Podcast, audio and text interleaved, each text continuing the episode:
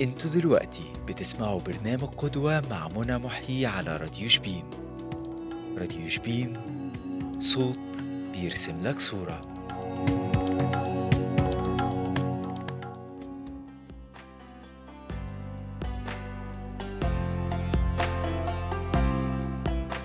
بيقول الفاروق وعمر بن الخطاب عاملوا الناس بما يظهرونه لكم والله يتولى ما في صدورهم. رمضان كريم. رمضان كريم على كل مستمعينا. أهلا بيكم في حلقة جديدة معايا. أنا منى محي في برنامج قدوة على راديو شبين أنتوا بتسمعونا دلوقتي على راديو شبين dot com أو على تطبيق أنغامي Deezer Spotify أو Anchor. وتقدروا تسمعوا الحلقات موجودة على الفيسبوك أو اليوتيوب راديو شبين بالعربي. اتعودتوا مني قبل ما نبدأ لازم نصلي على النبي. فاللهم صل وسلم وبارك على سيدنا محمد.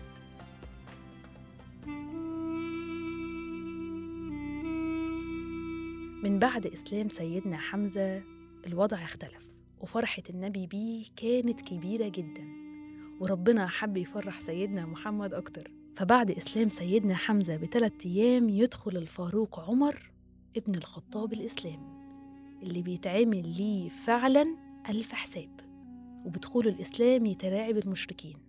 عمر هو أغنى رجال مكة اللي اشتغل من صغره في رعاية الغنم لما كبر شوية اشتغل في التجارة. اتولد بعد النبي صلى الله عليه وسلم ب 13 سنة. أبوه كان قاسي جدا في معاملته ليه. علمه المصارعة وركوب الخيل والفروسية وده اللي خلى سيدنا عمر جسمه قوي وضخم ومحدش يقدر عليه أبدا إلا واحد بس هو سيدنا خالد بن الوليد اللي يشبه سيدنا عمر كتير جدا في الشكل والجسم والصفات. وهنتكلم عليه وهنعرف كل حاجة عنه. ووالد سيدنا عمر علمه الشعر والقراءة والكتابة. كان عدد قليل جدا من العرب اللي يقدر يقرأ ويكتب لأن العرب مش منتشر بينهم التعليم والقراءة والكتابة قوي. كان منتشر بينهم الشفهية يعني الواحد يحفظ اللي بيقوله. عمر كان ليه أصحاب في كل مكان مش أصحاب عاديين لأ دول زعماء وقادة كبار جدا. كان بارع في الكلام دبلوماسي وشخصيته قوية. عمر كان دعوة دعاها النبي صلى الله عليه وسلم لما قال اللهم عز الإسلام بإحدى العمرين عمر بن الخطاب أو عمرو بن هشام. ما كان أغناك عن هذا؟ أفلا كنت كتمت لا أكتم الحق وقد علمته ولا أفرقن بين الحق والباطل. عمر من ظن أنه أما والله قد صح ظني. مكة بعد إسلام عمر غير مكة قبله قد والله عز محمد وأصحابه. حمزة ثم عمر. كنت قد نهيتكم عن اتباع محمد وآذيت بعضكم على ذلك. وقد علمتم أن الله سبحانه وتعالى قد أراني الحق وأنا الآن ناصح لكم. نصيحة من يرجو لكم الخير ويطلب لكم الصلاح. لا أقهركم عليه. كما قهرتكم على الباطل من قبل فلا يسبقنكم الناس في الخير فتقعدوا بعدها نادمين. من كنت آذيته أو ضربته فليأتي وليستقدمني وينتصف ويقتص وهذا صدري لمن أراد.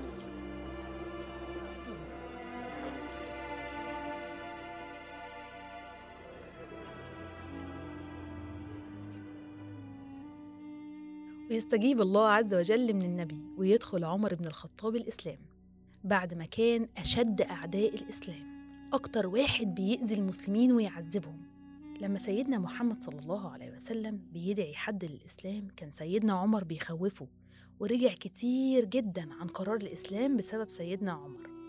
وفي اليوم اللي أمر الرسول صلى الله عليه وسلم المسلمين بالهجرة يعرف عمر ويخاف على دينه وعلى قريش وانهيار مكة وتفرق أهلها. فيغضب ويقرر يقتل النبي ويمشي في طريقه وتشوفه جارية ويعرف إنها أسلمت. ومن غضبه يضربها لحد ما يتعب. وتضحك الجارية وتقول له الحمد لله الذي قواني وأضعفك يا عمر. ويستغرب من كلامها ويسيبها ويكمل طريقه لحد ما قابل صحابي اسمه نعيم ابن عبد الله النحام.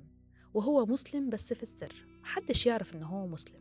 ويسأله النحام رايح فين يا عمر وانت وشك مليان غضب كده؟ فيقول له أنا رايح أقتل محمد. ويرد عليه النحام ويقول وانت متخيل إن أهله هيسيبوك بعد ما تقتله؟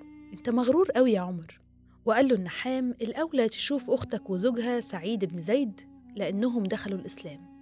ويتغاظ سيدنا عمر وفعلا يروح لبيت أخته ويسمعهم وهم بيتلوا القرآن. وكان قاعد معاهم صحابي اسمه خباب بن الأرض. اللي أول ما سمع صوت سيدنا عمر جري واستخبى وتتفاجئ أخته وزوجها سعيد بن زيد بدخول سيدنا عمر عليهم ويسألهم عن الكلام اللي سمعوا وعن دخولهم الإسلام ويعترف سعيد بن زيد بإسلامهم فيضربوا سيدنا عمر وتيجي أخته تدافع عن زوجها فيضربها جامد لدرجة إنها تنزف دم من بقها ويتخض سيدنا عمر على أخته بعد ما استوعب اللي عمله وقلبه يحن ويسألها عن القرآن اللي سمعه. وإنه عايز يقرأه. وفعلا يقرأه سيدنا عمر ويقول ما أعجب هذا الكلام. ويقرر يروح للنبي بقلب جديد مليان رحمة وحب للنبي. ويسألهم عن المكان اللي ممكن يلاقي فيه سيدنا محمد صلى الله عليه وسلم. وهنا يخرج خباب بن الأرض بعد ما اطمن إن سيدنا عمر مش هيأذيه. ويقول له أأنت المقصود بدعوة النبي؟ ويوصف له مكان النبي وقال له هتلاقيه في دار الأرقم وهناك كان الصحابة مع النبي ومعاهم سيدنا حمزة اللي معداش على إسلامه تلات أيام.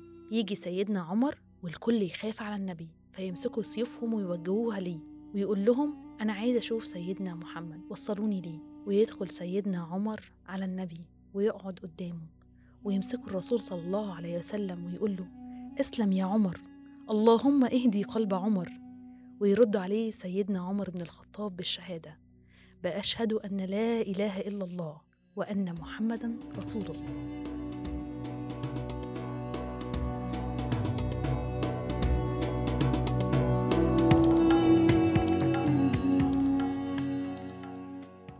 يفرح الصحابة ومعاهم النبي ويقرر سيدنا عمر وسيدنا حمزة إنهم يعلنوا لأهل مكة إسلامهم فيخرجوا بالنهار ومعاهم الصحابة ويروحوا عند الكعبة. ويعلنوا قدام الناس كلها إسلامهم ويسميه وقتها النبي صلى الله عليه وسلم بالفاروق لأنه فرق ما بين الحق والباطل.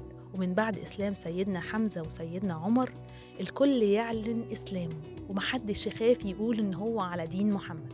الفاروق اللي أظهر قوته في إسلامه وتخليه عن الباطل وعبادته للأصنام سيدنا عمر قدوة لينا. تتعلم منه إزاي تتغير للأفضل وما تكبرش.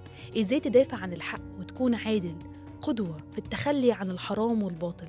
خليك شجاع زي عمر وحارب عشان تتخلص من كل سلبياتك وعاداتك السيئة. حارب عشان توصل لنسخة أفضل منك. ودي كانت قصة إسلام عمر بن الخطاب ولسه هنكمل بعد ما مسك الحكم وبقى خليفة على المسلمين.